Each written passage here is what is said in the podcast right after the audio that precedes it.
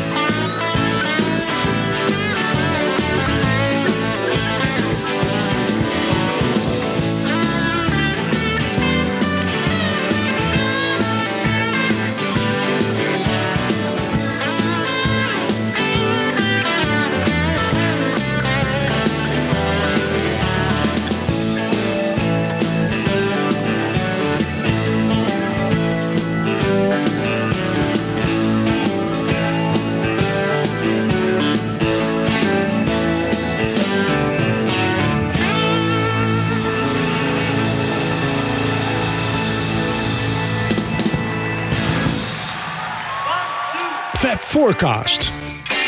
Oeh, wat een heerlijke binnenkomer was dat. I Want To Tell You van George Harrison live in Japan. Opgenomen in eh, december 1991. En eh, ja, welkom luisteraar weer bij een nieuwe aflevering van de Fab Forecast. En ik zit hier weer met mijn eh, gebruikelijke kompanen Wibo en Jan Kees in de studio. En we hebben een gast vandaag. en die gast zit hier naast mij. En dat is Tim Op het Broek. Goedenavond, goedemiddag, goedemorgen. Ligt eraan hoe je luistert. Inderdaad, dat zeggen we ook altijd. Eh, Tim, van harte welkom. Ehm, ja, eigenlijk een eh, vriendje van Ron Bulters. Volgens mij is het balletje zo een beetje gaan rollen. Zie ik dat goed? Ja, nou ja, we, we, we kennen elkaar ehm, via de Beatledag in Leiden inderdaad. En eh, we schrijven af en toe eens wat voor de Beatlefanclub.nl. Ja. En verder een groot liefhebber van jullie Fab Forecast, dat is ook een keer genoemd. En zelf radiomaker, dus nou ja, goed, dan kom je er al snel uit bij, bij Oh. dit, dit gedeelte. Ja, hartstikke leuk. Hey, en waar, eh, waar eh, ben jij radiomaker? Ehm, in eh, Limburg bij L1, de regionale zender van Limburg. Daar maak ik nieuws- en muziekprogramma iedere dag. Ah, en hoe, hoe heet dat programma? Waar gaat het over? Het is gewoon L1. We hebben zeg maar een, een format tussen 7 uur s morgens en 7 uur s avonds. En daarin zit gewoon het Limburgse nieuws, de, de muziek. En verder doe ik af en toe ook nog eens een muziekprogramma. Dus ik heb, ik heb verschillende programma's eigenlijk die ik, die ik door het jaar heen verzorg. Een festivals en dat soort toestanden. Hartstikke leuk. Ja. Nou ja, we komen nog eh, wel tijdens deze show komen we vast nog te weten wat, jij, wat jou allemaal bezighoudt en wat je allemaal drijft en wat je goed vindt aan de Beatles. Maar laten we eerst even gaan eh, praten over het onderwerp van deze show. Ja. Want eh, je kwam het idee om iets met eh, het solo live werk van George Harrison te doen. Ja, omdat daar gewoon heel erg weinig van is. Dus ik vond het wel een aardig eh, idee om Ja. daar eens even in te duiken. Of, al- er is weinig eh, officieel uitgebracht als het gaat om live materiaal van, eh, van Harrison. Als je dat bijvoorbeeld vergelijkt met een McCartney die volgens mij van elke tour eh, drie platen bijna uitbrengt. Ehm, en, en dat van Harrison is ontzettend divers. En hij heeft natuurlijk door zijn hele carrière heeft hij, nou, hij heeft hij verschillende dingen geprobeerd. Hè. Hij heeft in eerste instantie op flink afstand gedaan van het, van het Beatle-materiaal. Uiteindelijk in, nou ja, in december 1991 in Japan heeft hij in navolging denk ik van, van, van Paul zich juist heel erg op het Beatle-materiaal eh, eh, gestort. En in 1974, hè, de, de, ja, de bekende veelbesproken Dark Horse eh, Tour, Tour, ehm, heeft hij last van zijn stem en verandert hij teksten van, van nummers van de Beatles. Verandert hij zelfs af en toe het arrangement. Wat doet het denken aan ja, een imitatie van Bob Dylan. Want hè, als we bijvoorbeeld naar een concert gaan van Dylan, dan moet je ook goed luisteren of hij inderdaad Blowing in the Wind speelt. Of dat toch niet een ander nummer is. En dat heeft Harrison in 74 ook wel eens een paar keer geflikt. Dus ik vond Ja. dat wel interessant. En omdat daar gewoon ja, niet zo heel veel over eh, bekend is volgens mij. Dus ik moest- er zelf ook behoorlijk induiken. Ja, ja nou heel leuk. Eh, we gaan dus eh, allerlei krentjes uit de pop, de live pop van George Harrison Ja. doornemen met je. Ik denk- dat we beginnen met eh Psalm Milk Sea. Ja. En dat wilde ik per se gewoon even een klein stukje laten horen. Om, eh, omdat ik zelf, eh, als, als jongetje van acht, was ik gewoon fan van de Beatles. Toen, toen is het allemaal begonnen. En ik had natuurlijk mijn favorieten, eh, Lennon en, en McCartney. En pas veel later, toen ik de, de bootleg ging kopen, de Beatles Unplugged. Toen begon ik te denken van verdorie, die, die Harrison heeft eigenlijk zo ontzettend veel mooie nummers gemaakt. De, de bootleg speelt zich af in, zijn huis in Esher. Daar hebben de Beatles na de hele India-periode hun, eh, hun materiaal eh, zeg maar aan elkaar voorgespeeld. Van nou, dit, dit willen we op de White Album eh, krijgen. Een soort unplugged aanvallen letteren. En Harrison speelt daar een, een nummer. En het lijkt alsof de rest van de Beatles er ook helemaal niet mee bezig zijn. Dus dan hoor je eigenlijk alweer dat hij, nou ja, hij, mag zijn dingetje doen. Maar de twee grote ego's die letten eigenlijk niet echt heel erg goed op. En hij speelt het. Het klinkt ook heel voorzichtig. Maar ik vond het bloed en bloed mooi. Later opgenomen door eh, Jackie Lomax natuurlijk. eh, eh, op het Apple label. Maar hier dus in de, in de akoestische versie. Dus toch een klein beetje live. één op één opgenomen. George Ja. Harrison, Sal Milk Sea. If your life's alright, doesn't satisfy you.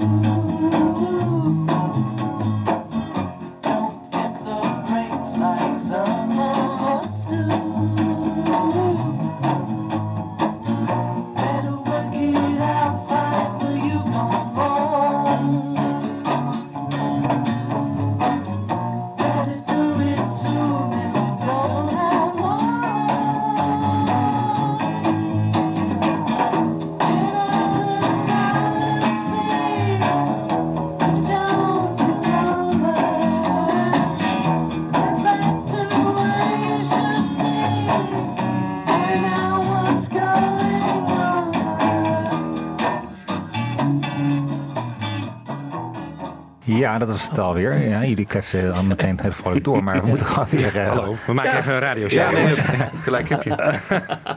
Was een kort ook.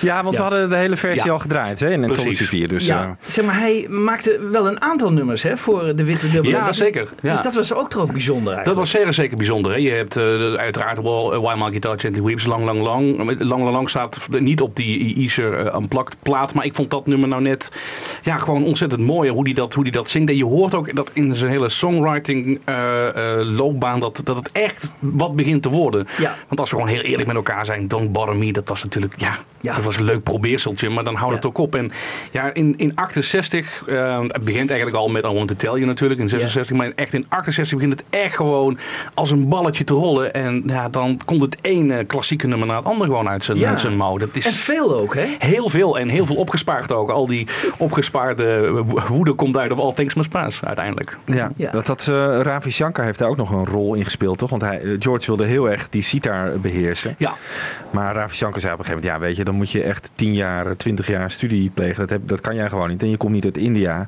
Jij moet je gewoon richten op waar jouw roots liggen. ja. En door die aanwijzing is hij dus helemaal weer naar de gitaar gegaan. Ik denk dat het toen ook Ah. echt losgegaan is. ja. Dat, dat Ja. komt in ieder geval overeen, die periode. Ja, absoluut. Toen heeft hij de gitaar weer eh, omarmd en Ja. eh, is hij daar gelukkig mee verder Ja, gegaan. zelden meer de sitar, hè? Ze- Zelden meer, nee. Hij heeft volgens mij het hem ook niet echt meer aangeraakt. Ja, je hoorde hem af en toe nog wel eens voorbij komen in nummers. When. We Were Fab bijvoorbeeld, daar Ja, zit hij op het ja. einde. Ja. Maar ik denk niet dat hij dat is het... eh, dat is een eh, gimmick en dat zal hij ook wel niet zelf bespelen. Nee. Wonderwall Nee. komt uit, die plaat. Natuurlijk met sitarmuziek, maar daar speelt Ja. hij zelf ook geen sitar op volgens Nee. mij. Dus Nee. nee, hij, zij zal, gaan hem niet meer gebruiken. Nee, nee. Goed, volgende op het eh, lijstje zie Ja. ik hier. De Concert for Bangladesh. Ik, vind dat een, een ontzettend interessant eh, evenement. Omdat het ook wordt neergezet als het allereerste grote fundraising concert. Ik ben het daar niet helemaal mee eens. Want je had een jaar eerder, nee twee jaar eerder, in 69, toen trad eh, Lennon op. Met eh, onder andere ook Klaus Volman, Eric Clapton en ook met George Harrison voor UNICEF. En Ja. toen hebben ze twee nummers gespeeld. Ze wisten overigens helemaal niet dat ze moesten optreden. Ze lazen dat in de pers van UNICEF zegt dat jullie spelen met de Plastic Ono Band. En toen zei eh, Lennon, nou dat is misschien wel aardig voor onze peace-campagne. dat past er goed bij. Dus laten we in godsnaam het eh, maar gaan doen. Er is weer heel veel muzikanten eh, opgetrommeld. Zeven minuten lang eh, Cold Turkey. En vervolgens 40 minuten lang Don't Worry Kyoko. 40. Ja, dat Daarvan is een allebei 20 geweest, minuten. Ja, Dat behoort Ja. tot jouw favorieten. er zijn, eh, ja, en die gaan we nu eh, beluisteren. Nee, maar, ehm, nee, maar eh, mensen liepen weg. Eh, Lennon heeft zelf gezegd, nou, dit is het allermooiste wat ik eh, ooit heb meegemaakt. Dit was pure trans, dat geloof ik graag. Maar eh, de mensen liepen weg. En, Ja, eh, maar, in ieder geval, dat was wel een fundraising concert... waar dus ook Harrison bij aanwezig was. Ja. Ehm, maar goed, hij heeft het later dus met, eh, met Bangladesh nog een keer eh, gedaan. Daar hebben ze een, een Indiaanse astroloog gevraagd... wat is een goede datum? Die zei, nou ja, je moet het dus een keer proberen op een zondag 1 augustus. Het bleek ook de enige dag te zijn dat Madison Square Garden überhaupt vrij toeval. was. Wat een toeval allemaal. Hè? Ja. ja, en er wa- waren twee shows waarvan men zei dat de tweede vooral het, het, het beste was. En ja, ik vind hem hier werkelijk waar in, in, in topvorm. En wat ik helemaal mooi vind is dat we, we gaan twee, eh, twee tracks beluisteren als het, eh, als het goed is. is Bangladesh en, eh en Wawa.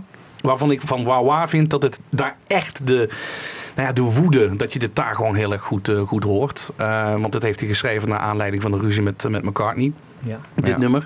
En op de plaat All Things Must Pass ehm, vervalt het in groteske, bombastisch eh, geluid. En ik vind het juist op die live plaat hoor je hem gewoon echt enorm... Ja, de, de, de, de, de onderliggende woede en jarenlang achtergestelde gevoel komt daar heel mooi in voor. En ik vind Bangladesh, eh, de studioversie vind ik, echt, ja, vind ik niet mooi. En vind ik hier een, bijna een tranentrekker. Me, sadness in his.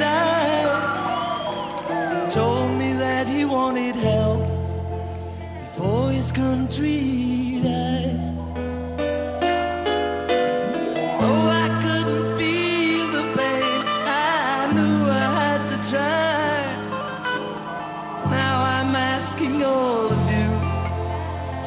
ever saved some lives.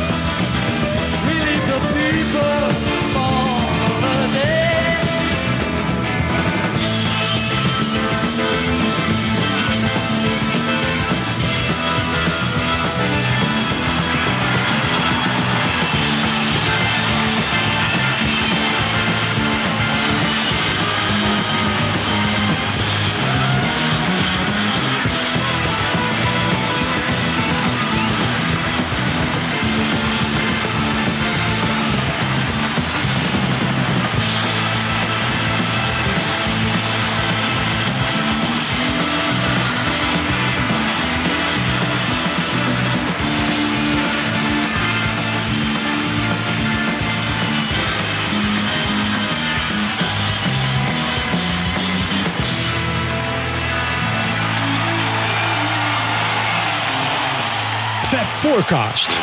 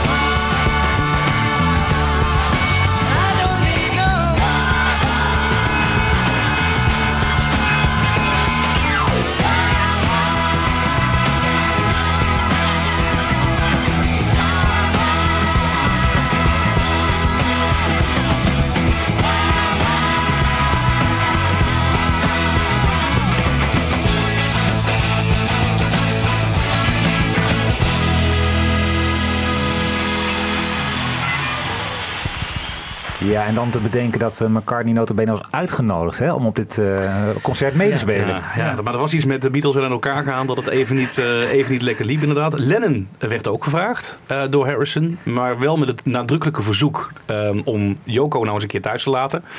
Ehm, dat, we- nou ja, dat verzoek werd, eh, werd ingewilligd. Dat was, eh, dat was geen probleem, eh, zei, eh, zei Oh, dat is Lennon. wel bijzonder toch? Dat is wel heel bijzonder. Ja. Toen kregen Yoko en Lennon, zo willen de verhalen, ruzie. En Lennon is toen toch eventjes weer weggegaan uit, uit New York. En dat is de reden waarom hij niet zou meedoen tijdens het concert. Ja, ik, ik weet niet of dat verhaal helemaal waar is. Eh, Het zou kunnen natuurlijk. Eh, Ringo, ja, die is overal altijd bij. Dus die doet nergens moeilijk over. En die eh, zit breed glimlachend achter het eh, drumstel. En ja, als je gewoon bekijkt... Wat ik mooi vind trouwens nog aan, aan, aan Wawa... is het, het begin van het nummer. Je hoort echt dat het publiek is opgelucht dat het gaat beginnen. Want daarvoor heb je dus 20 minuten lang sitarmuziek gehoord van Ravi Shankar. Die daar eh, natuurlijk de boel opwarmt.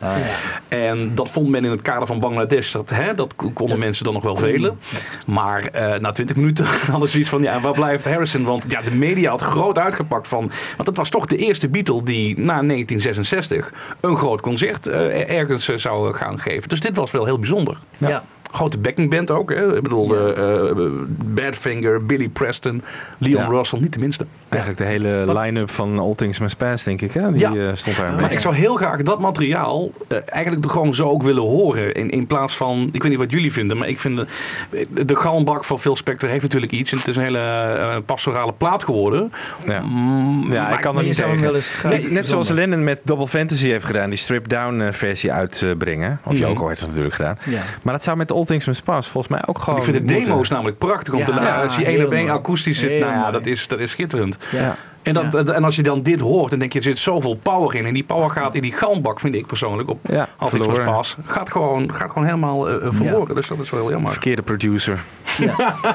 Waarschijnlijk. Ja. Zeg, wat, wat vond George nou van, van spelen voor publiek? Was hij, Nou ja, hij was, natuurlijk- het was niet zijn, zijn grootste eh, hobby. Eh, in december bijvoorbeeld in 91, als hij dan in Japan weer op tournee gaat, hebben ze hem ook echt een keer bijna van de grond moeten rapen. Omdat hij gewoon te zenuwachtig was om, om het te doen.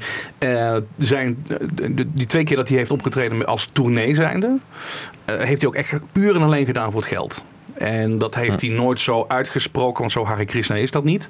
Maar hij heeft gewoon twee keer flink in de rats gezeten, financieel gezien. En toen heeft hij, dat is een van de grootste redenen geweest waarom hij is gaan toeren. Maar optreden doet hij liefst met een hele grote eh, backingband eh, bij zich. Of hij is ergens te gast en dan komt hij op het laatste moment, daar komen we straks nog wel bij, eh, speelt hij dan even mee. Maar het, ja, Ja. kijk, McCartney is een geboren showman, dat lijkt me duidelijk. Uh, m- maar Harrison niet. Wat eigenlijk heel raar is, omdat Harrison wel de eerste is die na het uiteengaan van de Beatles ja, zoveel solo-optredens geeft. Ah, ja. In tegenstelling tot Lennon of zelfs in tegenstelling tot McCartney. Die pas eigenlijk veel later in de carrière echt grote tournees eh, gaat. eh, Maar dan bedoel je eh, Bangladesh vooral, neem ik aan. Bangladesh inderdaad. En waar we zo meteen bij toe komen, 74 natuurlijk. Ja, hè. De- maar dat was natuurlijk wel een heel speciaal soort eh, concert. In die zin Ja. dat het een benefietconcert was. Ja.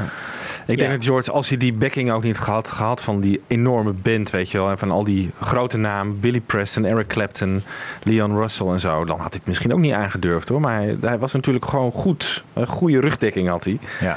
Ja. En, Nou ja, goede rugdekking. Clapton die heeft het hele concert niet meegekregen. Dylan. Die zat zwaar aan de heroïne. En, en, eh, en eh, Dylan heeft Alan Klein van het toilet moeten afhalen. Van jongen, je moet op. Want die, eh, Ja. die zat ook op dat moment een hele onzekere periode. Dus hij zat echt opgescheept. Ja. Met een hoop ellende achter zich. Maar die dan wel allemaal op het moment zelf ja, het beste van het beste konden weggeven. Ja. van Clapton eh, zou je dat niet zeggen inderdaad. Maar die, die staat daar gewoon eh, prima te spelen. Ja, maar hij weet Ja. er zelf niks meer van. Want hij zat te Nee. zwaar in de heroïne destijds. Dus eh, ja, Ja. dat is wel maf. Ongelooflijk, hè? Ongelooflijk. 1974 dan maar. Ja. ja, laten we doen. Ja, dat is natuurlijk de desastreuze tournee. Eh, Enerzijds, ik lees op, op, ik, eh, op verschillende fora eh, dat ook mensen bij waren die het gewoon ook echt wel heel erg mooi vonden. Maar in die tijd was het publiek behoorlijk stoned en dronken, als we Harrison mogen geloven. Hij heeft keer, een concert, heeft hij, in Vancouver was het volgens mij, heeft hij eh, gewacht tot het publiek weg was. Is hij op het podium gaan zitten om eens te kijken wat het publiek nalaat in de zaal. En dan zag overal eh, flessen eh, whisky liggen en ja? reefers en weet ik het allemaal. En toen had hij zoiets van, dit is mijn publiek helemaal niet. Ik heb totaal geen aansluiting met het publiek. Wat ook weer heel erg raar is, want... Als iemand een groot gebruiker was in die tijd, was het Harrison die, die, die snoof bergen cocaïne weg. Dat is een van de redenen waarom zijn stem zo ontzettend was, was aangetast. Ik, dat vind ik ook wel interessant, dat Harrison is een ontzettend dubbel persoon. Aan de ene kant is het Hare Krishna en God en weet het allemaal. Aan de andere kant eh, is het ook Ja. Formule 1, snelle auto's, heel veel vrouwen. Ja. Eh, Echt heel erg veel vrouwen. En, en, en in die tijd ook cocaïne en drank. Dus het is een heel dubbel, dubbel leven wat hij eigenlijk eh, leidt. Dat vond ik ook interessant aan. Maar laten we eens even gaan luisteren naar In My Life. Een klein stukje, want ik wil niemand eh, aandoen dat hele stuk te laten horen. Het is, het, het is zo slecht. Zijn stem is dus helemaal Ja. aangetast. Was dat gedurende die, die, die, die concertreeks of was het al gelijk aan het begin? Ik vind, het, ik vind het verhaal een beetje dubieus. Want het, het verhaal gaat dat Dark Horse werd opgenomen. Maar dat was dan weer niet op tijd af voor de tournee in 1974. Die hij moest doen in verband met bijvoorbeeld nou, gewoon, ge- gewoon geldproblemen. En de, de scheiding met Patty Boyd en dat soort toestand allemaal. Ehm, hij heeft toen die plaat opgenomen. Ehm, en toen heeft hij daarna nog eens een keer heel veel eh, repetities gehouden met, eh, met zijn band. Daardoor zou hij een, een, een heese stem aan hebben overgehouden. Ja. Ik ik denk dat het een combinatie van heel veel factoren is. Eh, ook ook stress, Wat het meteen op je stem gaat slaan, emotie. Hè, dat hele gedoe met Patty Boyd en de Ja. publiekelijke... Ja, joh, eh, op, later- op Dark Horse hoor je het al, toch? De, de ja, studioplaat. niet alle nummers, hè. Dat begint Ja. hal- bij Ding Dong Ding Dong. Ja. Ja. dat is onvoorstelbaar. Ja. Eh, Maar er zijn ook een paar nummers, So Sad bijvoorbeeld. Nou, dan klinkt het eigenlijk nog heel erg aannemelijk. Zijn die niet eerder opgenomen dan? Dat, zou, dat zou kunnen, ja. Ja. Dat zou kunnen. Dat denk ik. Ja. Ja. Maar een stukje In My Life, omdat hij daar een beetje het arrangement verandert. En, Ja, heel eh, leuk, het, klinkt dan... Nou, ik vind het niet zo leuk, maar ik ben benieuwd wat jullie vinden. Maar Nou ja, het is, het is heel anders. Ja. Jan Als curiositeit is, ja. het, eh, Ja. is het toch wel weer bijzonder. Ja, dat is wel waar. Nee, ik moet even denken aan, aan Lennon, wa- wa- wat we laatst hadden gehoord. Hè, dat, dat Lennon eh, eh, het stukje van In My Life bij het allerlaatste optreden, toen de Beatles het tournee of het, het podium verlieten, heeft Lennon nog even het begin van In My Life gespeeld. Hè, toen in San Francisco, het allerlaatste optreden van de wel Beatles. zo. Wel leuk. Dus dat betekende heel veel voor hem. En nu hoor ik dus dat, dat, dat, dat zelfs George dat nummer hè, weer heeft gebracht. Wel in een hele andere versie. En dat, maar dat vind ik dat wel, eigenlijk wel weer bijzonder. even luisteren hoe die het zingt. Kijk, ik vind Oké. dat nog steeds Ja, dezelfde mening oké, met oké,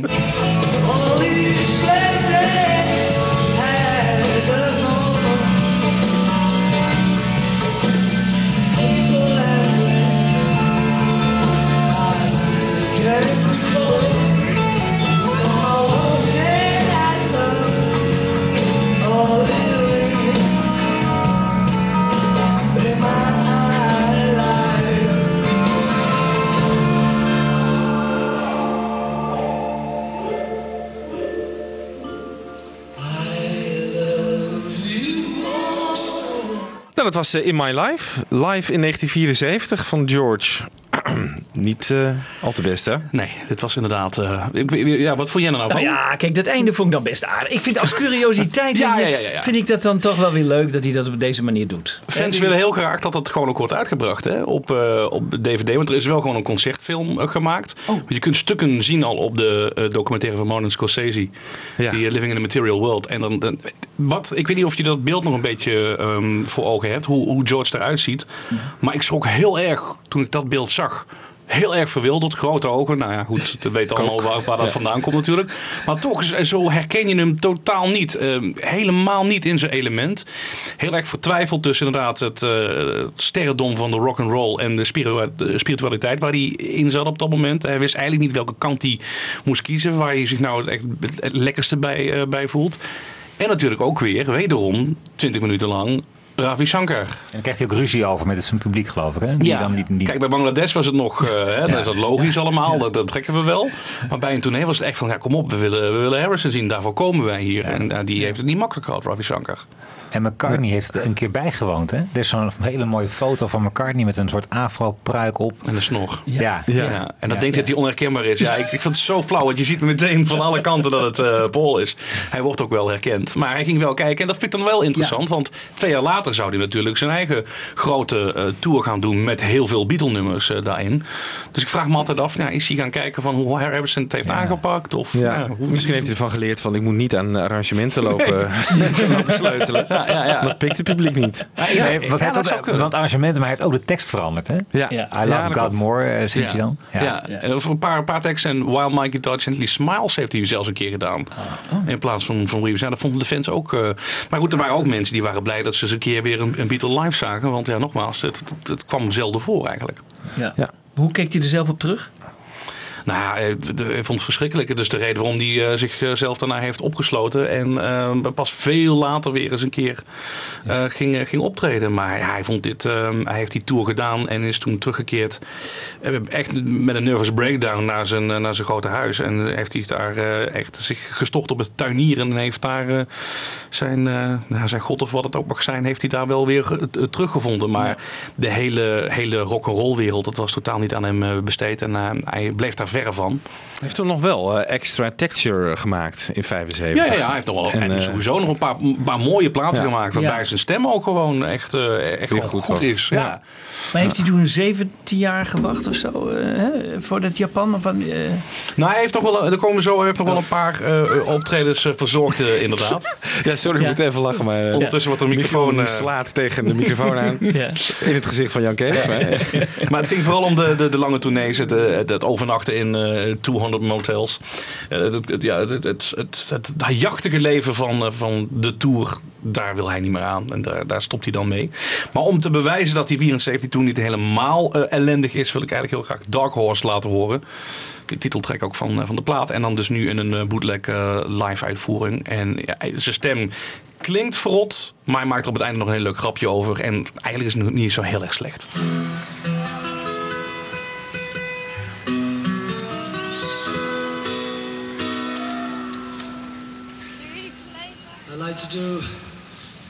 A new single which should be, is on the radio. Don't know, it's actually out now, it's out. And this is, uh, it's called Dark Horse, and it's on Apple, and it's distributed by Capital. So figure that out.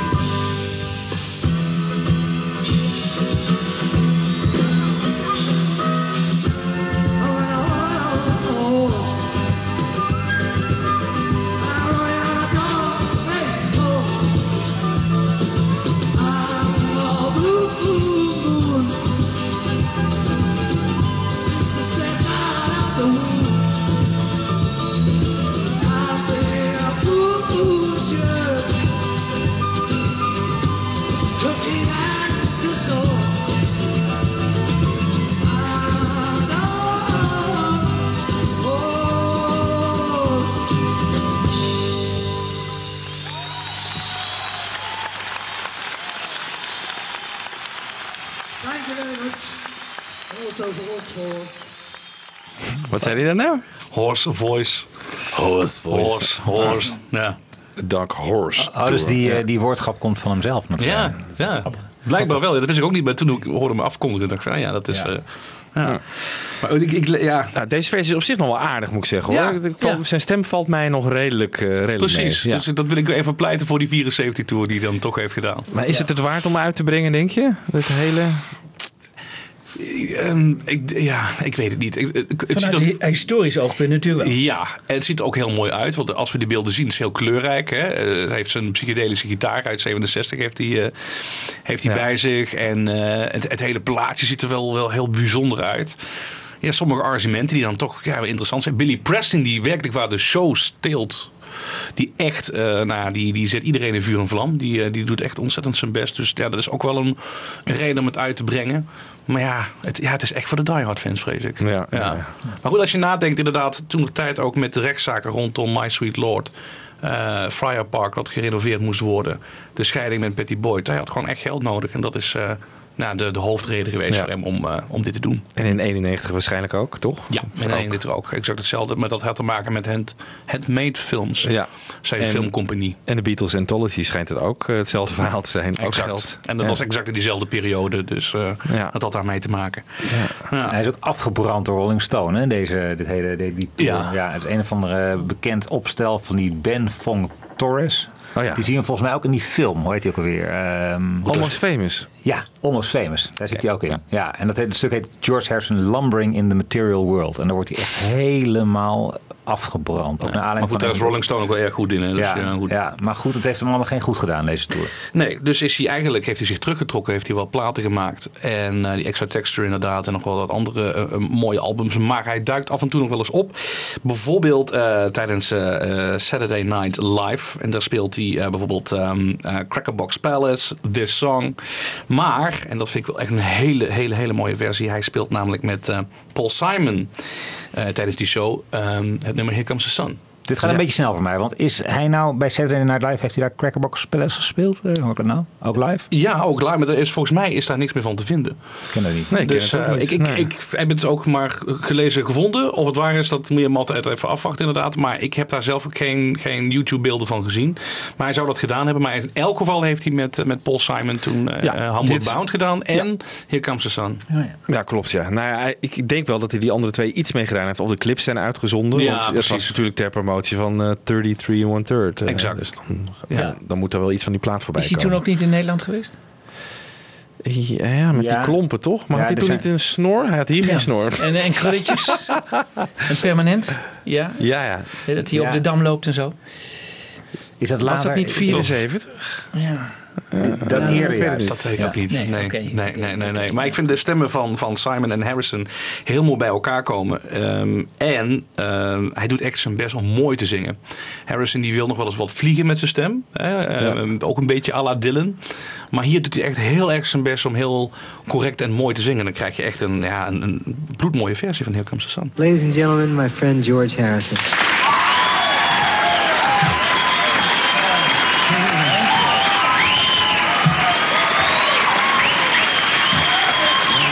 Here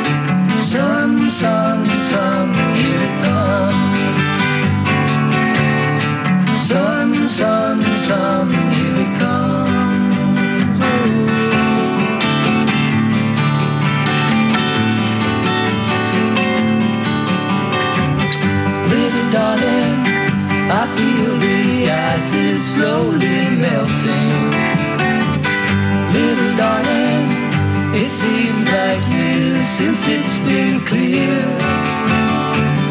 Here comes the sun. Here comes the sun. I say, it's alright. Here comes the sun. Here comes the sun. I say, it's alright.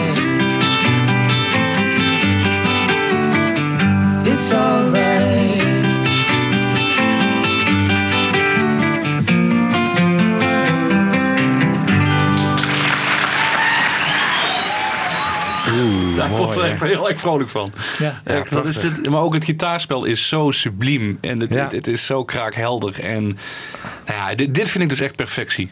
T- ja. Ja. tot de max. Het is Ja. bijna ook een Simon Garfunkel liedje op dit Ja, manier. Maar George moet natuurlijk ook wel gewoon niet eh, gaan zwabberen met zijn stem. Want Simon zingt gewoon eh, met hem mee. Dus hij moet echt gewoon strak Ja. zingen. Ja. Anders, anders klinkt het nergens. En je merkt ook wel dat bijvoorbeeld eh, wanneer Harrison en McCartney zingen, dan doet Harrison in principe ook hetzelfde. En dan, dan zwabbert hij ook niet. Dan houdt hij Nee. zich heel erg vast Ja. aan het vaste stemgeluid van McCartney. Dat kun je niet helemaal vergelijken met Paul Simon natuurlijk. Maar ze hebben wel allebei een beetje dat liefelijke soms.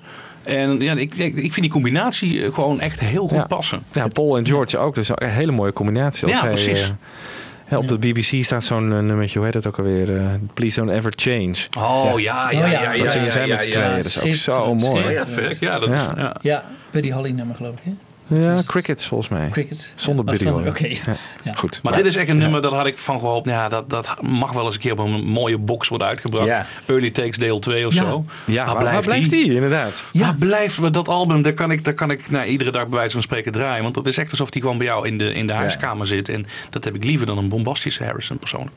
Ja, ja. Crackerbox Palace en, en This Song hebben ze net de promo van gedraaid in, in Saturday Night. Live. Maar het is nog wel een derde nummertje, eh, de, het nummer Rock Island Line, wat Ja. eh, Simon en eh, Harrison ook samen zingen. Oh, maar goed, dat, eh, dat dat, dat eh, doen Lonnie nu- Donegan. Ja. Ja, dat kan dan op die box, waar die, die net zegt. eh, over Als het nog bestaat, want het is helemaal niet opgedoken, Nee. toch? Nee, Of is dat nee. niet Nee, uitgezonden? dat bestaat. In ieder geval, daar is een, een, een, een bootlegje van. Ja. Oké. Oh ja? Ja, maar is niet uitgezonden. Nee, alleen maar Homeward Bound en, ehm, en dit. Mooi trouwens hoe klein ze het houden. Dat hier kan Ja. ja. aan. hè. Dat gaat natuurlijk op Ja. Abbey Road helemaal los. En het wordt, wordt groter Ja. en groter. Maar hier houdt het heel klein. Heel Zo mooi. knap. Heel mooi. Ja. Ik moet er trouwens ook even denken aan die solo die ze eruit hebben gehaald bij, bij Abbey Road. Hè? Ze hebben dus Ook een, dat, een- ja. die gitaarsolo van Harrison. En ik heb hem laatst ook bij jullie volgens mij. Heb je een keer mee- met solo gedraaid of zo? Ja, hè? ja, en dat vond ik ook meteen minder. Hoe, hoe, hoe minder je ervan afhaalt, hoe beter het wordt volgens mij. Dat, dat nummer. Hoe, hoe kleiner, hoe beter in dit geval. Ja. Maar, goed, dat vind ik... eh, Ja. Ja, ik vind deze ook veel mooier dan de Bangladesh-versie bijvoorbeeld. Eh, die vind ik niet zo heel erg eh, mooi. Maar dit is, ja, dit is gewoon inderdaad heel klein. En maar met Paul Simon erbij, dan, eh, dan wordt het volgens mij ook wel Dan wordt het kleiner. Ja, Ja. Alles wat Dan kleiner wordt Paul Simon. klein, ja. Ja. ja, we we weten niet hoe dit gegaan is. Hè? Wie, wie heeft uitgenodigd? Of, eh, Nee, ik heb er nog zitten zoeken, maar... Nou, Paul Simon heeft volgens mij, die had wel wat met Saturday Night Live. Die waren sowieso vrienden van hem, geloof ik. En hij kwam daar ook wel regelmatig, een beetje een soort huisartiest. Dus het kan best zijn dat hij gewoon ook eh, in de buurt was, of misschien zelfs al die, die week de presentatie deed of zo, weet ik veel. ja. Zoiets, maar Saturday Night Live en Paul Simon, dat Maar is het echt waren wel toch een, niet een dingetje. speciale vrienden of zo, hè? Simon en eh, Nee, niet dat ik weet. Nee. Nee. Nee, hè? Nee, Simon is wel een keer bij hem op bezoek geweest. Dat weet ik wel. Dat heeft hij ook over verteld. Ja.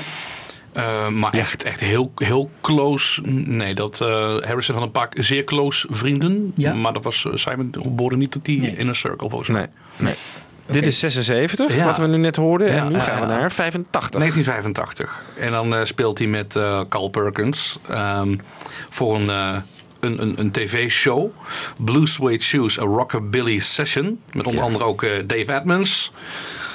leden van de Stray Cats en George Harrison in een zeer leuke jaren 80 outfit.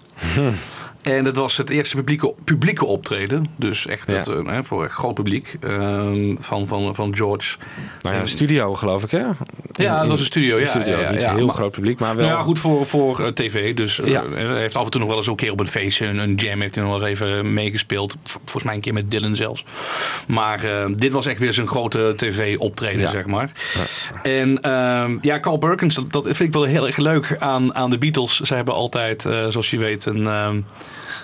een liefde gehad voor wat iets onbekendere rock'n'roll eh artiesten. Die hebben ze destijds ook uit nood geboren veel, veel gecoverd voor de, voor de Kevin shows. En nou, eh, Carl Perkins, ja, die, die hebben ze met name Harrison echt omarmd. En eh, het schijnt zo te zijn dat Harrison tegen de zoon van Carl heeft gezegd op de begrafenis van door jouw vader ben ik echt gewoon helemaal op de gitaar gaan storten. En door jouw vader hoor je ook de solo in Can't Buy Me Love. Dat is een één op één kopie Hey. van, van Carl Perkins zijn, zijn stijl. Zijn ja, rockabilly Hij heeft toch gespeeld hè, op die begrafenis? Ja, dat gaan we, dat gaan we zo meteen nog even horen. Dat is wel heel ja. erg bijzonder inderdaad. Maar Your True Love ik graag eh, laten horen. Ja, fantastisch. Mooie versie. One, two, three, four.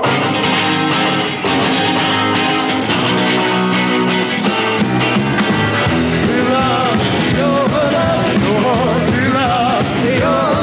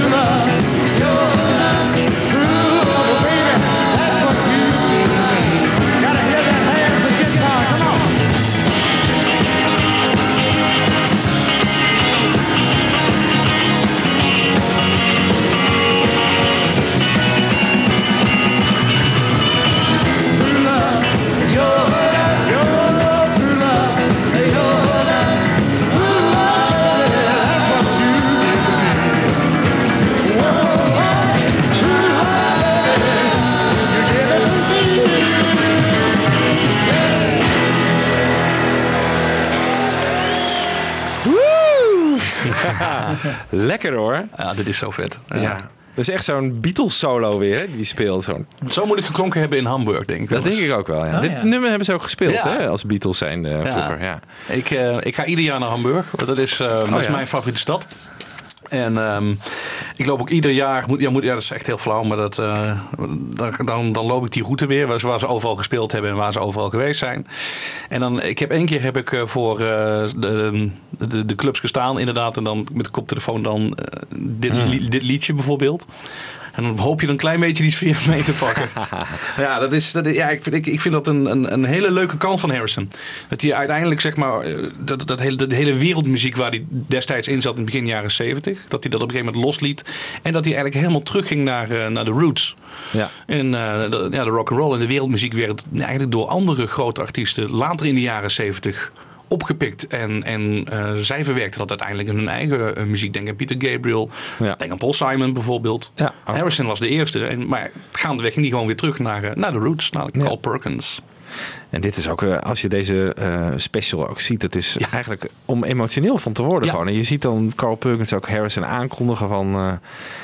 niemand, ja, iedereen zegt dat is een kluizenaar geworden, maar hier is hij, weet je wel. Dan komt hij, op, dan komt hij gewoon op en hij ziet er gewoon goed uit. Hij zingt goed en wauw. Ja. het en is, wat een verschil met een Chuck Berry documentaire. Hè? Waarbij Chuck inderdaad eh, de, ja, de, de vervelende basis, zeg maar, die tegen Keith Richards zegt hoe hij het moet spelen. En, Ja. eh, en Carl Perkins die zijn, zijn, ja, de mensen omarmt, zeg maar. Die, ja, vind ik Die prachtig Chuck Berry documentaire is ook wel Ja, nee, dat te komisch. gek. Ja, nee, natuurlijk. daarom. Maar dit is gewoon, ja, dit, hier, hier speelt een band, weet je wel? Dit is gewoon Ja. echt een, warm, een warme special. Net, Precies. net zoals een Concert for George heel warm is. Ja, ja. ja. Je ziet Heel hier ook, liefde. hier ook heel weinig ego's. Dit is gewoon iedereen, weet je wel. Ja. Maar ik denk dat mee. Carl Perkins ook een aardige man was. Ja, zeker. Hè? Dat, Dat, dat zie je ook. bij die McCartney en zo. En, Ja. en, eh, hè, de, menselijke factor is Ja. heel erg belangrijk. Ja, Ja. Toch? Ja. Ja, en dat heeft George ook wel altijd aangesproken natuurlijk. Hoewel, ik bedoel, als, het, als er iemand een ego was, denk ik, binnen de Beatles, dan was het George wel. Dat, dat is ook weer dat dubbele, zeg maar. Want hij was altijd degene die, nou ja, die was de, de, de grumpy one.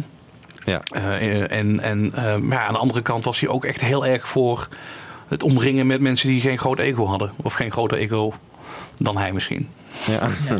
Ja. die dubbelstrijdigheid bij hem, dat is, Dat is wel mooi. heel interessant. Ja. Ja. maar dat zie je dus ook in de muziek. Hè? Dus eh, het, eh, Ja. wat we net hadden in In My Life, eh, vreemde versie. En, en ja, gewoon het eh, recht toe recht aan rock and roll, waar hij, naar mijn mening, misschien nog wel het allerbeste in was. Ja, ja. Hij, klinkt hier gewoon echt fantastisch. Ja. En het is ook in deze periode, eh, ook met Cloud9, dat hij na dan komt. Hij zingt gewoon weer goed, weet je Precies. het, klinkt, het klinkt goed. Dat, dat zwabberige wat we eh, bij die Dark Horse Tour of eh, daarvoor op die LP's een beetje hadden. Dat, eh, dat zangerige, dat Dylaneske, dat is er een beetje af. Ja. En dat vind ik toch wel mooier. Ja, hij is zijn stem gevonden. En dat is ook een beetje met Traveling Wilburys hoor je dat ook. Hè? Tenminste, Ja. dat is natuurlijk wel weer wat later. Maar de eerste keer dat je Handle With Care, dat, dat, dat, dat hoorde dat. Van jeetje, wat klinkt hier goed. Wat is Ja. dat? Hij zingt zo strak. En uh, Ja. ja, maar het is het heerlijk volgens mij om George Harrison in je achtergrondkoor te hebben. Zoals nu ook, dat hij met Dave Edmonds... Die, die eh, True Love, Ja. Your Love. Ja. Dat zingt, ja weet je, dat, dat klinkt zo mooi. Het is gewoon één brok eh, harmonie. Ja. Net zoals met Paul Simon. Dat, dat, hij blendt gewoon goed met andere stemmen, denk ik. Ja. Ja, En ik denk dat hij ook echt wel zijn rust heeft gevonden. Af en toe eens een keer optreden, weet je wel, tijdens een, eh, een, een liefdadigheidsoptreden of een tv-special. Dat vind ik allemaal prima. ja. Maar gewoon geen grote tournees meer. Jan Kees had het er net al even over trouwens. ehm, dat hij op de begrafenis van Carl Perkins ook heeft gespeeld. Ditzelfde nummer. Zullen we even een stukje luisteren? Ja, graag. True love, true love, true love, true love, true love, baby, that's what you did to me. Oh yeah, well, true love, baby, that's what you did to me.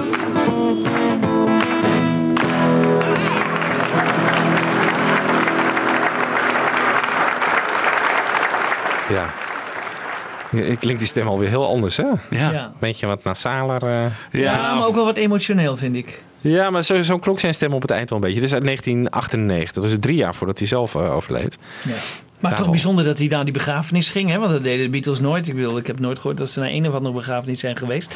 En dat hij daarbij... eh, hè, Perkins Op een gegeven moment vraagt iemand inderdaad, ik weet niet wie het is in het, in het publiek, of een, eh, iemand vraagt, ik denk dat het misschien wel de weduwe is van Carl Perkins, ik weet het niet. Iemand vraagt van, hey George, ik weet dat je het leuk vindt om dit nummer te spelen. En dan Ja. lijkt het alsof hij inderdaad het niet is afgesproken, want hij zoekt nog eerst even de akkoorden en dan, dan Ja, in het begin, speelt hij ja. dat, eh, dat prachtige nummer. Dus Ja, heel, bij- heel bijzonder. ja. Dus nu nog even terug weer naar de jaren 80. ja, Eh, 1986 Heartbeat zie ik hier staan. Ja, dat is de, een- ook weer een benefiet eh, concert. Eh, in eh, Birmingham was dat. Eh, het singeltje van Tandy Morgan Band was toen uitgebracht. Dat heette Action. Nou, volgens mij is iedereen dat wel een beetje vergeten. denk Zeg ik. mij helemaal niks. Nee, nou, ze probeerden Live Aid na te doen. Dat is niet helemaal eh, eh, gelukt. Maar eh, het, het leuke was, nou, eh, Jeff Lynne die, die speelde daar met ILO bijvoorbeeld. En dat was echt een briljante set. En Jeff Lynne vertelde tegen al die andere artiesten die daar eh, optraden van... jongens, ik eh, heb contact met George Harrison. Dat is een goede vriend van mij. Misschien komt die. Maar niemand wist het zeker. En het duurde en het duurde en ILO was klaar. En op een gegeven moment alle artiesten verzamelen zich op het podium. En nou, eh, dan spelen ze een nummer. En op een gegeven moment zegt iemand, ja, we hebben nog één verrassing voor jullie. En toen wisten de muzikanten van, aha, hij is gekomen. Dus op het laatste moment weten zelfs de artiesten niet dat George Harrison op het podium verschijnt. En dan, eh, dan staat hij daar in één keer. Het is niet de allerbeste eh, versie eh, die, die je hier hoort. Maar dat komt ook omdat niet iedereen er echt was op, op voorbereid was. Ehm, en het is ja, één groot megalomaan orkest. Ja. Maar het is, het, het- voor de geschiedschrijving vind ik dit toch wel een heel leuk verhaal. Ja, en ik heb de clip hiervan gezien trouwens. En Danny Lane zingt ook nog een coupletje. Dat is wel grappig. ja, ja, ja, ja, ja. Volgens mij na George, dus Ja. eh, even opletten. We've got one cherry on the cake left, one song left, and a very special guest who's coming here to sing it. He's no slouch at making money himself for charity. He was helping out in Bangladesh. Will you please welcome the ex-Beatle, Mr. George Harrison?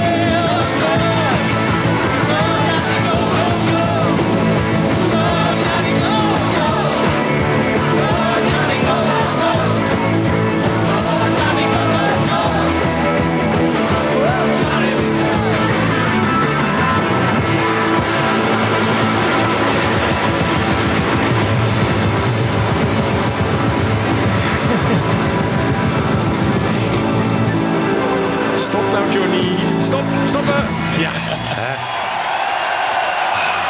Ja, het grappige, Tim eh, die heeft hier over een matpartij op het podium. En inderdaad allemaal mannen met matten. Eh, precies zoals in de jaren...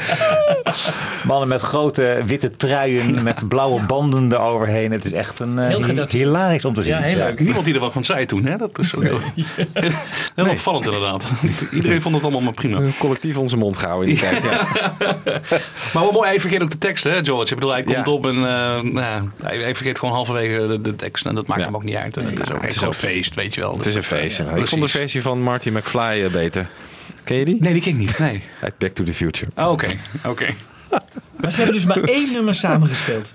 Eh, ja, Harris heeft maar één. Ja, maar voor, echt voor, voor één nummer gekomen. En nogmaals, Jeff Lynne die zei: Ik weet niet of je komt. Het is echt zoals Sinterklaas. We wachten we, vol verwachting tot ons hart. En misschien eh, rijdt hij ons huis wel voorbij. Maar hij is uiteindelijk echt eh, Ja. even snel komen opdraven met zijn mat. Hij heeft Ja. al vaker eh, dat soort, eh, volgens mij heb je het ook al gezegd, hè? vaker dat soort eh één nummerachtige gastoptredens gedaan. Ook bij Deep Purple eh, kwam ik eh, laatst ook nog een keer tegen. Ja. Maar dan speelt hij gewoon gitaar. Ja.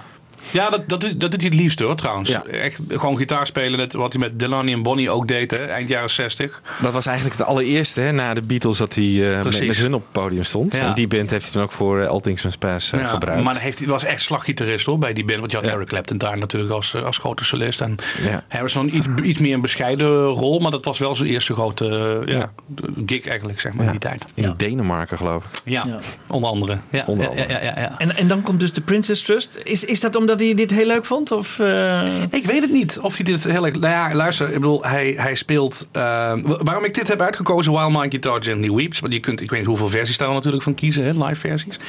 En er is er eentje met Gary Moore. Die vind ik persoonlijk echt, vind ik echt waardeloos. Eh, omdat Gary Moore daar de, de hoofdrol heeft. En het past gewoon niet in het nummer. Het, het, is, het is natuurlijk zoals Gary Moore eh, speelt. En dat is in in zijn muziek heerlijk. Bij Guitar Gently Weeps. Voor mij persoonlijk valt het helemaal er, er erbuiten. Dit is een versie met een sterren eh, line-up. Ik bedoel, Ringo Starr hebben we erbij. Elton John, Phil Collins. eh, Ray Cooper speelt mee. Eh, maar ook Mark King van Level 42. Die op het filmpje trouwens met een, nou, een glimlach van hier tot Tokio en terug eh, meespeelt. Die heeft zoiets van, wat gebeurt mij hier?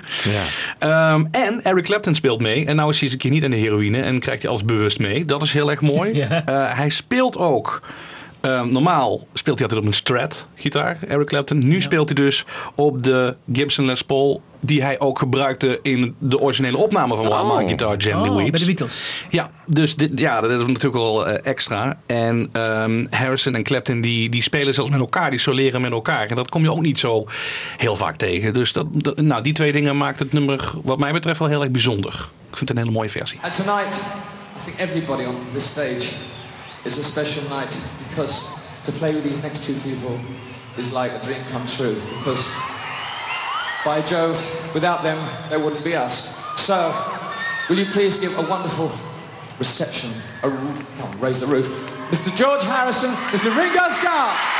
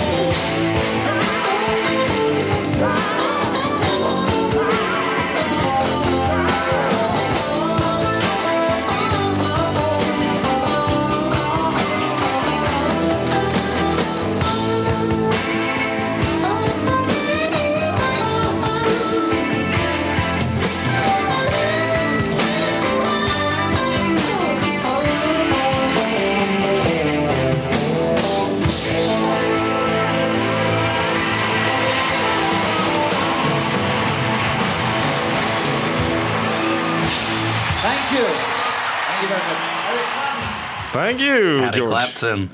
Dat is een hele mooie versie trouwens. Hè? Ja. Echt. Zag ik daar Diana ook nog in de zaal? Ja, Wij kijken ondertussen even de clipjes mee, eh, mensen. Via YouTube.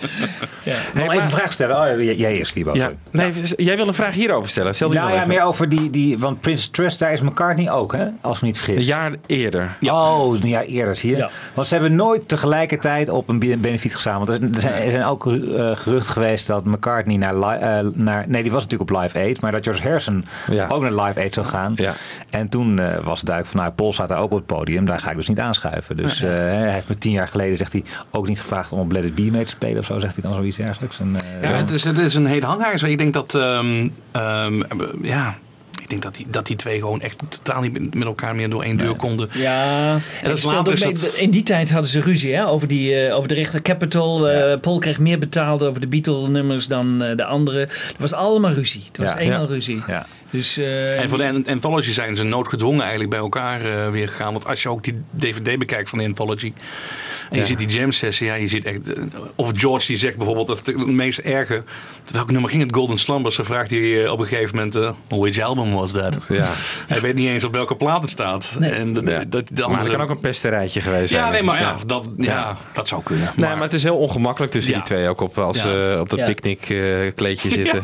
Met die ukulele. Ja. ja. wordt ook wel weer gezegd hè, dat, dat het geldgebrek was van Harrison die hem ertoe heeft gedwongen. Ja, absoluut. Ja, zeker. Ja. Maar nu heb ik altijd wel de, eh, de, de illusie of misschien de hoop dat het op het sterfbed van George tussen die twee wel goed gekomen is. Want toen hebben ze volgens mij echt de handen vastgehouden. Exact. En daar is wel, Ja. voor mij is het wel goed afgesloten. Ja, Maar het is ook altijd McCartney die het graag wil natuurlijk. Hè? Van, het ging heel goed met Lennon op het eind. Dat is waar, Eh, ja. met George heb ik de hand.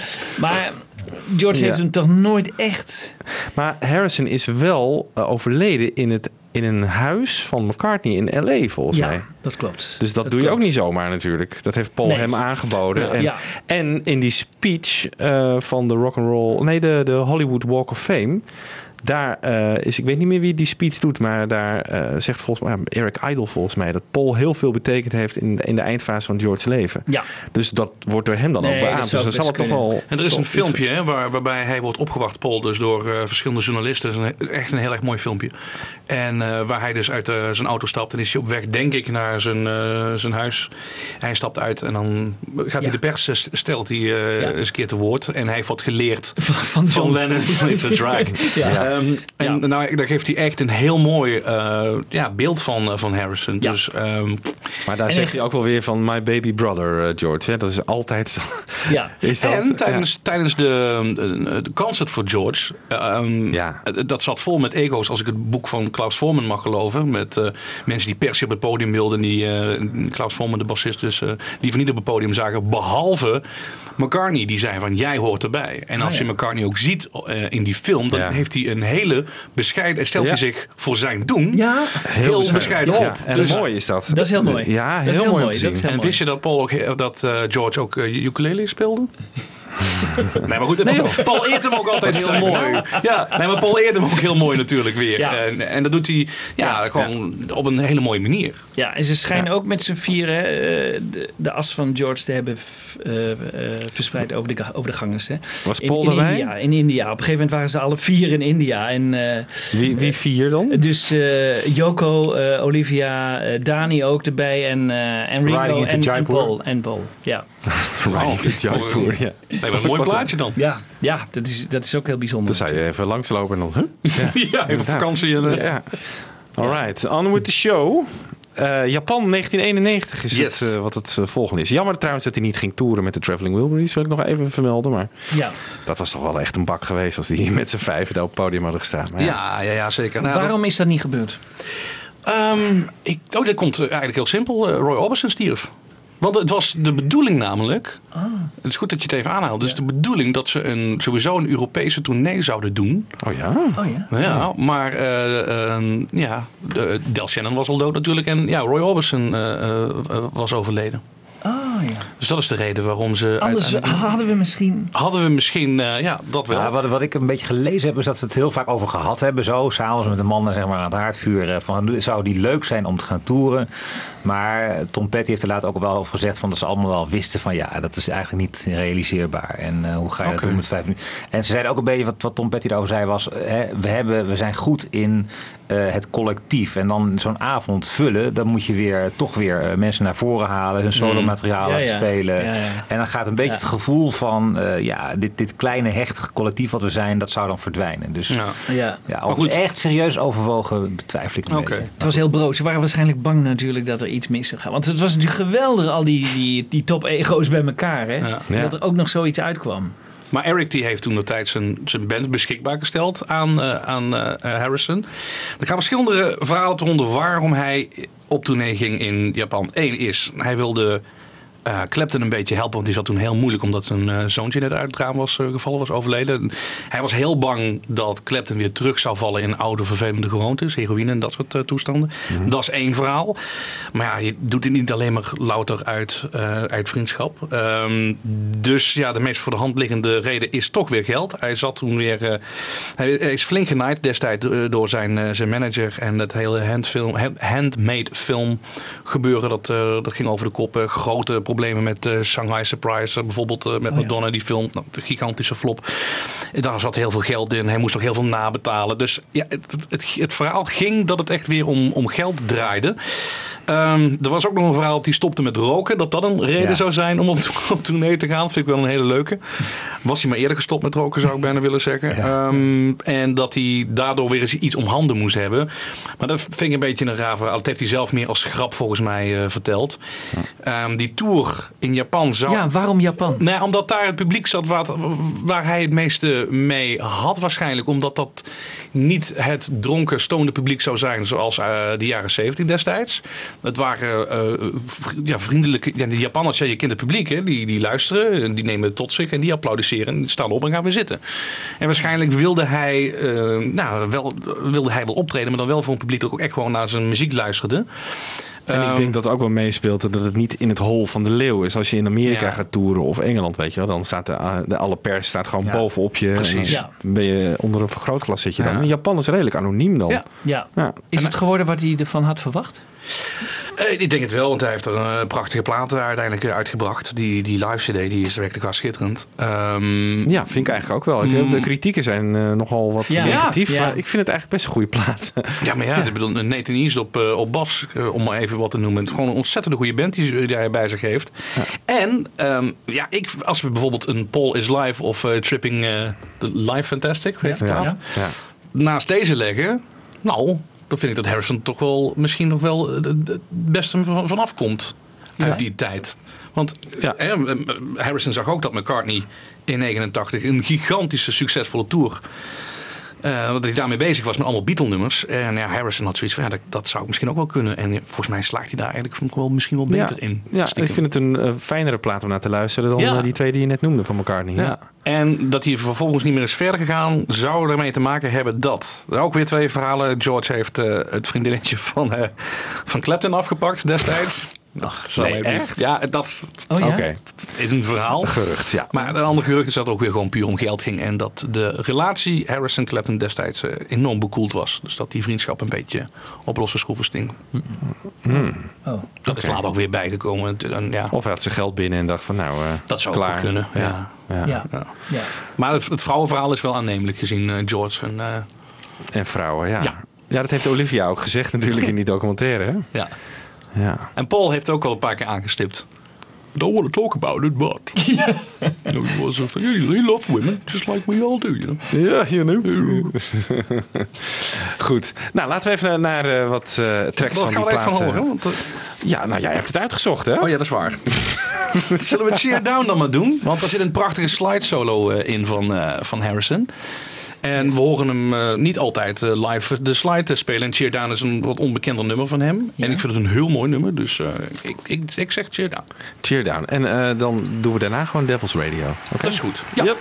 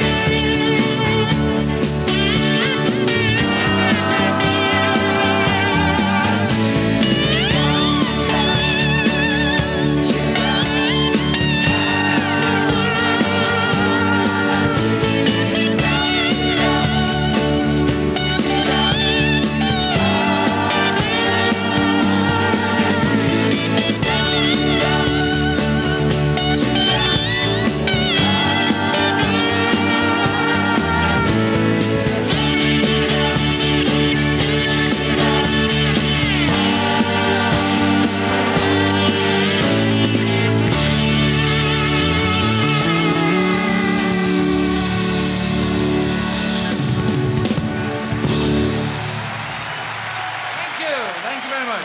Fab Forecast.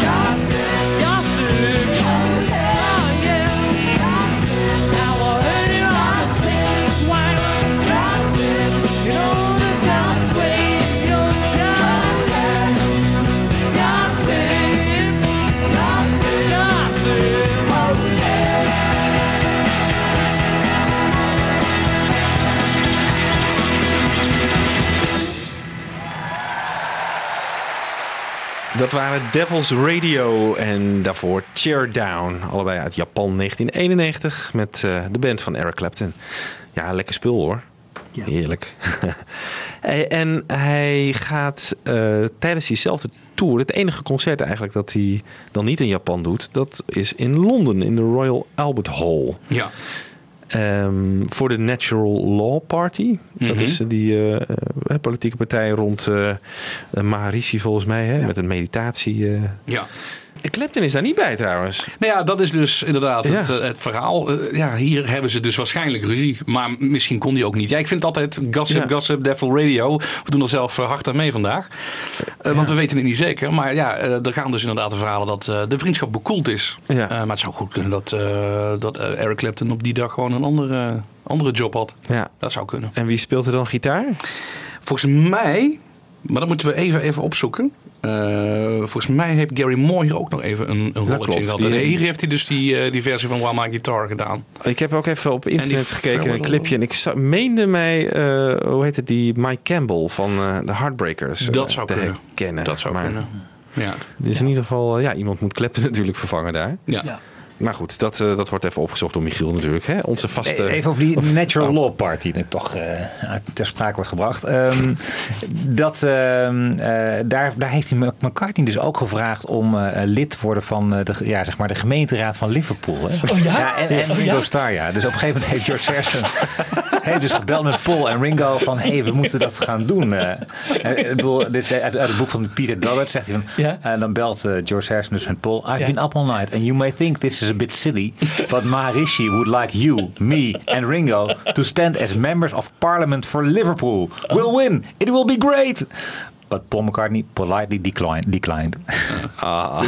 Oh, maar dat is in de, in de Britse Tweede Kamer, denk ik. En dan vertegenwoordig, Oh, ja. je, dan vertegenwoordig je in Oh, het voor parlement. Liverpool. Ja, ja. Oh, ja, precies. Ja, ja, precies. Ja, oké, ja, oh, ja. nou, dat zou toch wel... Jammer, jammer. ja, ja, Ze hadden dit- misschien nog wel voor elkaar gekregen ook als we met z'n drieën... Ja. Dat, eh, Ja. Dat is toch die partij waar in Nederland Wieteke van Dort en zo eh, voor stond, hè? Ja, geloof ik wel. Ja. Wieteke van Dort, Ja. ja. ja. Wieteke van Dort en Harrison. ja. Ja, leuk. Oké. Eh, maar we laten toch even wat horen, omdat we compleet willen zijn Ja. natuurlijk. Hè? Something in, met een eh, beetje een, een ehm, ja, een soort van reggae feel in het midden. Een hele, hele bijzondere versie vind ik dit. Een reggae feel, oké. Ja. Daar gaan we even op letten.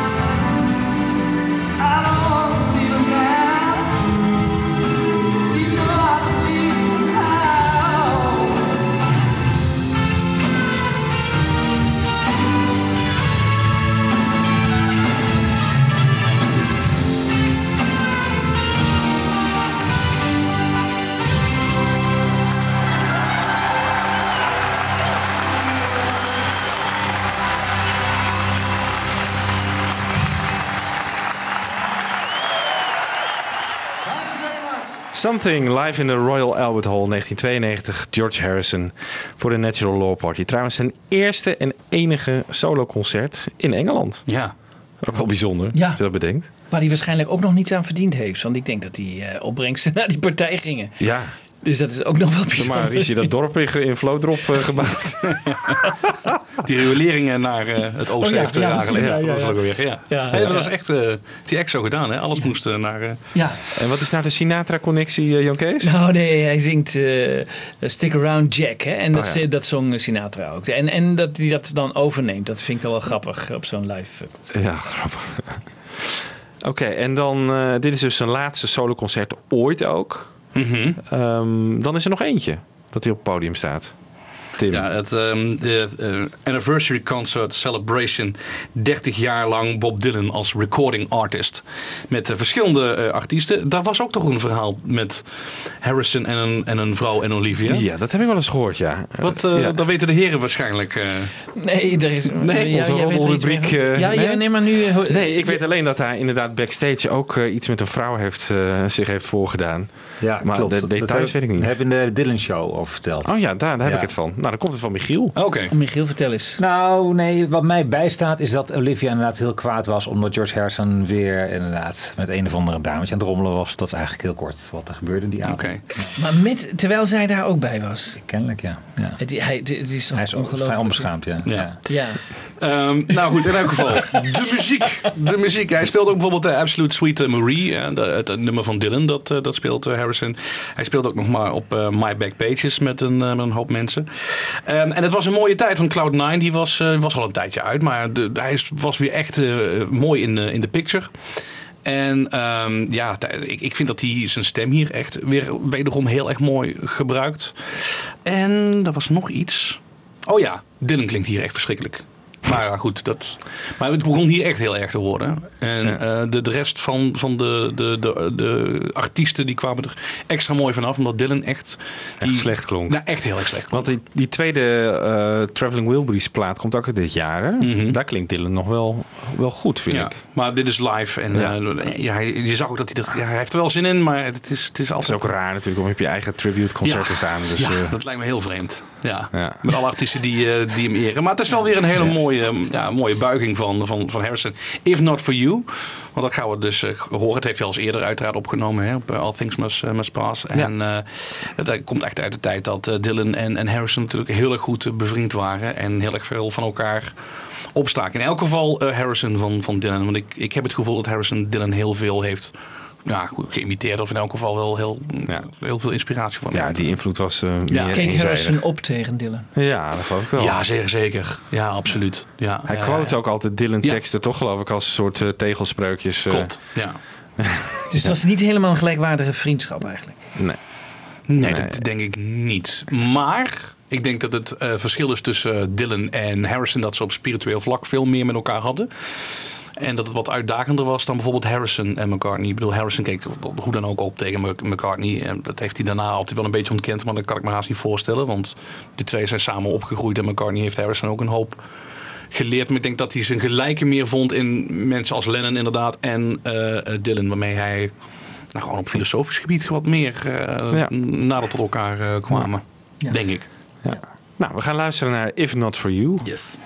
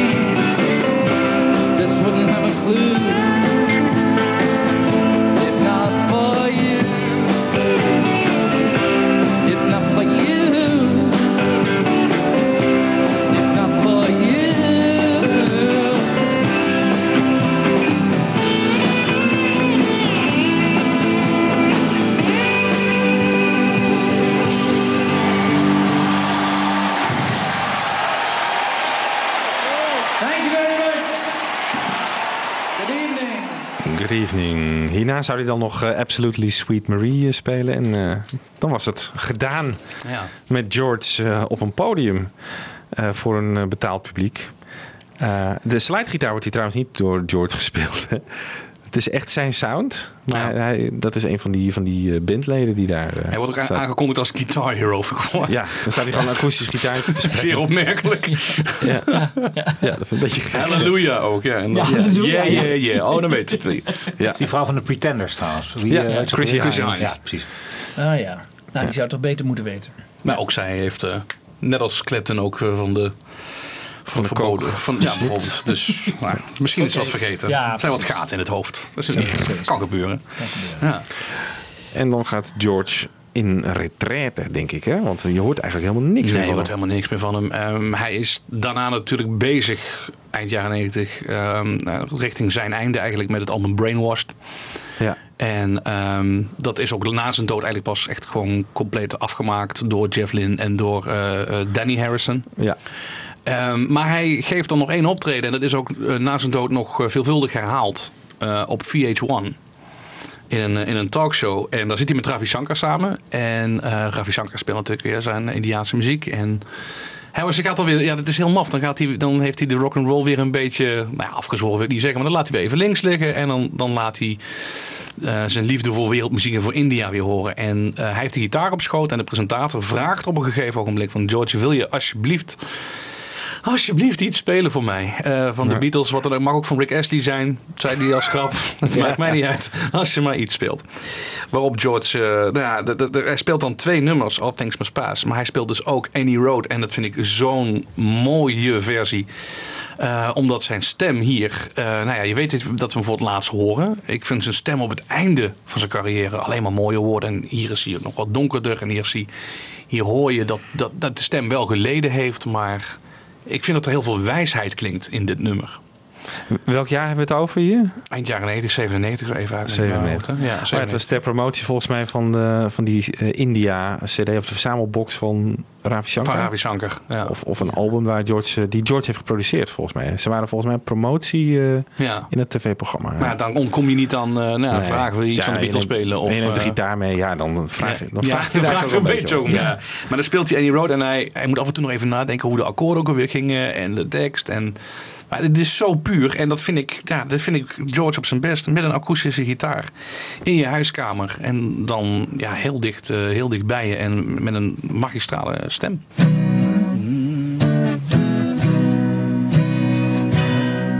Well, we'll try a verse of this one.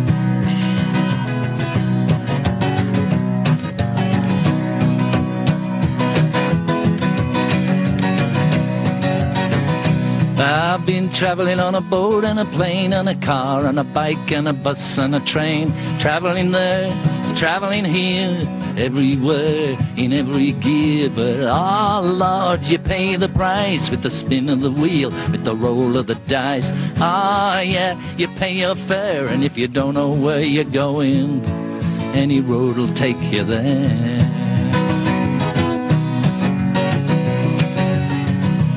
I've been traveling on the wing and a prayer on the skin of my teeth, the breadth of her hair. Traveling where the fall winds blow with the sun on my face in the ice and the snow. But ooh, it's a game. Sometimes you, sometimes you're cool, sometimes you're lame. Oh yeah, it's somewhere, and if you don't know where you're going, any road will take you there.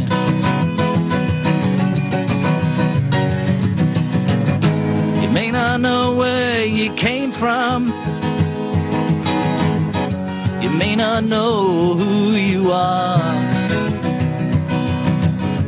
May not even have wondered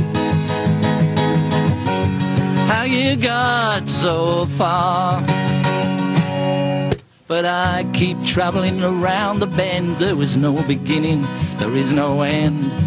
Wasn't born, it never dies. There are no edges, there is no sides. But oh, we just don't win. It's so far out, the way out is in. Bow to God and call him sir. But if you don't know where you're going, any road will take you there. If you don't know where you're going, any road will take you there. And if you don't know where you're going, any road will take you there.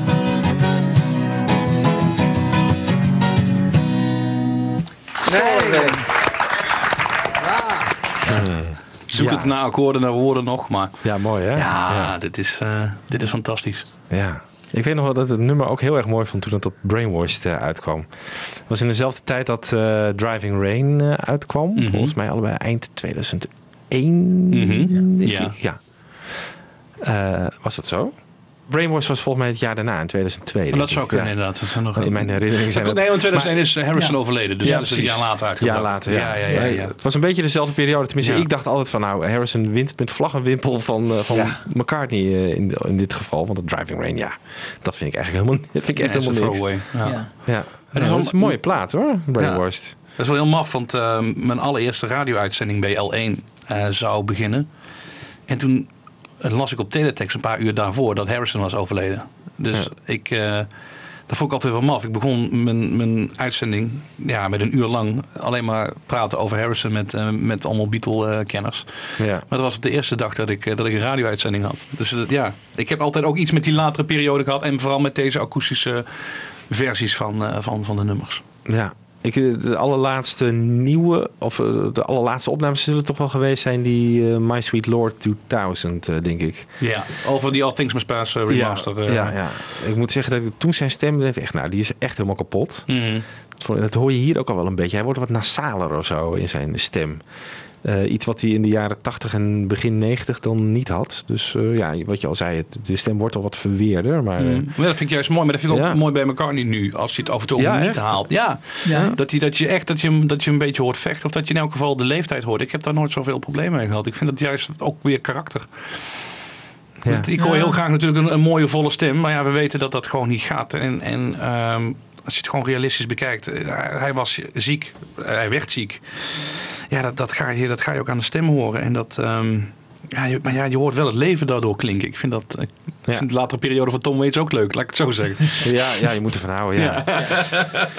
maar Tom Waits heeft toch ook altijd een beetje zo geklonken, toch? Echt van, oh, zo'n grommer. Ja, maar het, eh. echt, het is wel heel erg geworden nu. Dus Ja? dan stop je, ja, ja, ja, ja, het is Ja, maar als je dat dan met Powerhouse van McCartney ook eh, hebt. Ja, eh, Paul ja. Simon heb ik ook mee de laatste tijd. Ja. Ja? Oh, oh, oh, wat was, ja. ik vind dat niet meer zo. Maar goed, eh, dat is allemaal een beetje smaak, denk ik. Ja.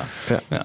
Nou, bij Johnny Cash bijvoorbeeld, dat vind ik wel heel mooi, die oude verweerde stem. Maar dat, dat, Ja. op een of andere manier, dat past dan wel bij het materiaal dat hij speelt. Maar McCartney doet nog altijd alsof hij eh, twintig is of zo. En ook de liedjes Nou, erin. ik ben met je dat ik niet meer kunnen. Maar... Ja, Maybe I'm moet je gewoon bijvoorbeeld niet meer doen. Nee, Dat- maar, dat is maar Early Days wel. En dan moet ik Juist, als je ja. het ja, Johnny Cash hebt. wel. daar heb je- ja, precies. Dat, dat Ja. is iets meer, meer wat er bij Maar zijn zelfs ook ehm, dat, dat lied van, voor, voor, voor Lennon wat hij dan eh, speelt. Here Today. Here Today. Dat, en dan, dan breekt die stem ook af en toe. Dat vind ik helemaal niet erg. Nee, het breken is misschien minder erg. Maar het echt dat, dat het achteruit gaat is wel jammer. Vind ik. Maar dit Ja, maar- als je- het verschil van mening. Maar, laten Hey, maar als je de stem van McCartney vergelijkt uit in 1989 en die van nu, dan vind ik die van 1989 eigenlijk veel erger. Ja, vind je? Ja, dan overschreeuwt hij het echt nog veel meer en, en klinkt het echt. En nou vind ik het, nou hoor je gewoon ouderdom in plaats van slijtage. Dat vind ik wel een verschil. Ja. Maar goed, dan hebben we het weer over Paul. ook. Ja, maar is gelukkig dat we er van genieten. Het gaat over George nu. Gaat, Ja. Jongens, weer Paul. Maar George heeft dus eind jaren negentig dus die, eh, hè, dat eh, in zijn huis wordt ingebroken en dat hij wordt neergestoken. Dat is, eh, ja, dat is echt verschrikkelijk. En dan, ja, eh, een jaar of twee jaar later, eh, dan eh, legt hij het loodje. Ja. En dit dus, die VH1-concerten, of dat, eh, dat optreden, dat is dan eh, het allerlaatste live ding, toch? Dat we van hem kennen. Ja. Tranentrekker heb ik hier eh voor Nou ja, staan. dat is bij All Things Must Pass. Is Ja. natuurlijk, eh, ja, eh, daar- gaat het. Dat is zijn lijflied wat mij betreft. Dat vind ik ook, ook wel zijn mooiste compositie. En ehm, als ik aan Harrison denk, denk ik aan dat nummer. En wederom in verschillende versies natuurlijk hè, bekend. De, de akoestische Beatle-versie. Of althans in de Beatle-periode opgenomen. Akoestisch. Met zijn verjaardag op zijn verjaardag. Ja, dat is schitterend. Die vind ik gewoon heel erg mooi. Ehm, dan de All Things Must Pass eh, versie. Dan de Bangladesh. Nee, dat niet, in Bang- nee, niet Bangladesh. Hè? Nee, heeft in Japan ook niet gespeeld, hè? Mm, nee, nee, nee. Dus dat is dit, eh, vind ik dan, ja, dit is zijn laatste versie en ik vind dit gewoon de mooiste. Oké, nou dan sluiten we daarmee af. Oké. Tim, heel erg bedankt. Ja. Graag gedaan. Super. Ja, dat was een mooi overzicht, denk ik, van eh, George Harrison solo live. Ja. Dankjewel. Kom nog een keer langs, zou ik Ja. zeggen. Nou, graag. We sluiten af met All Things Must Pass. VH1 1997. En eh, tot de volgende keer. Want to try something? A Bob song, a Carl Perkins song? I'll take a Rick Astley song, George. I'll take.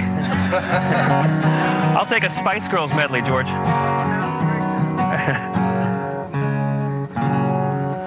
Um, yeah, I do wouldn't mind if I could think of one. Really? Sunrise doesn't last all morning. And a cloudburst doesn't last all day. Seems our love is up and has left you with no warning. It's not always gonna be this way. All things must pass. All things must pass away.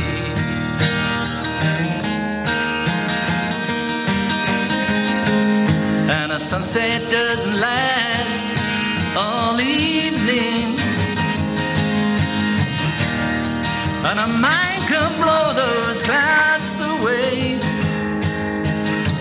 And after all this, my love is up. I must be leaving. But it's not always gonna be this way. All things must pass. All things must pass away.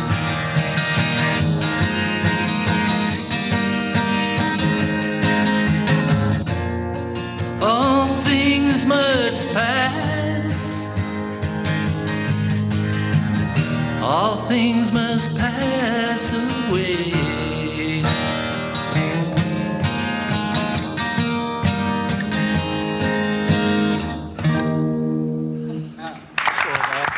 Fab Forecast.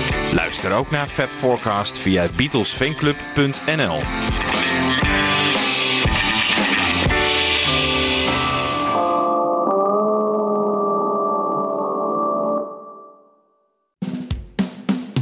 Dit was een podcast van Avro Tros.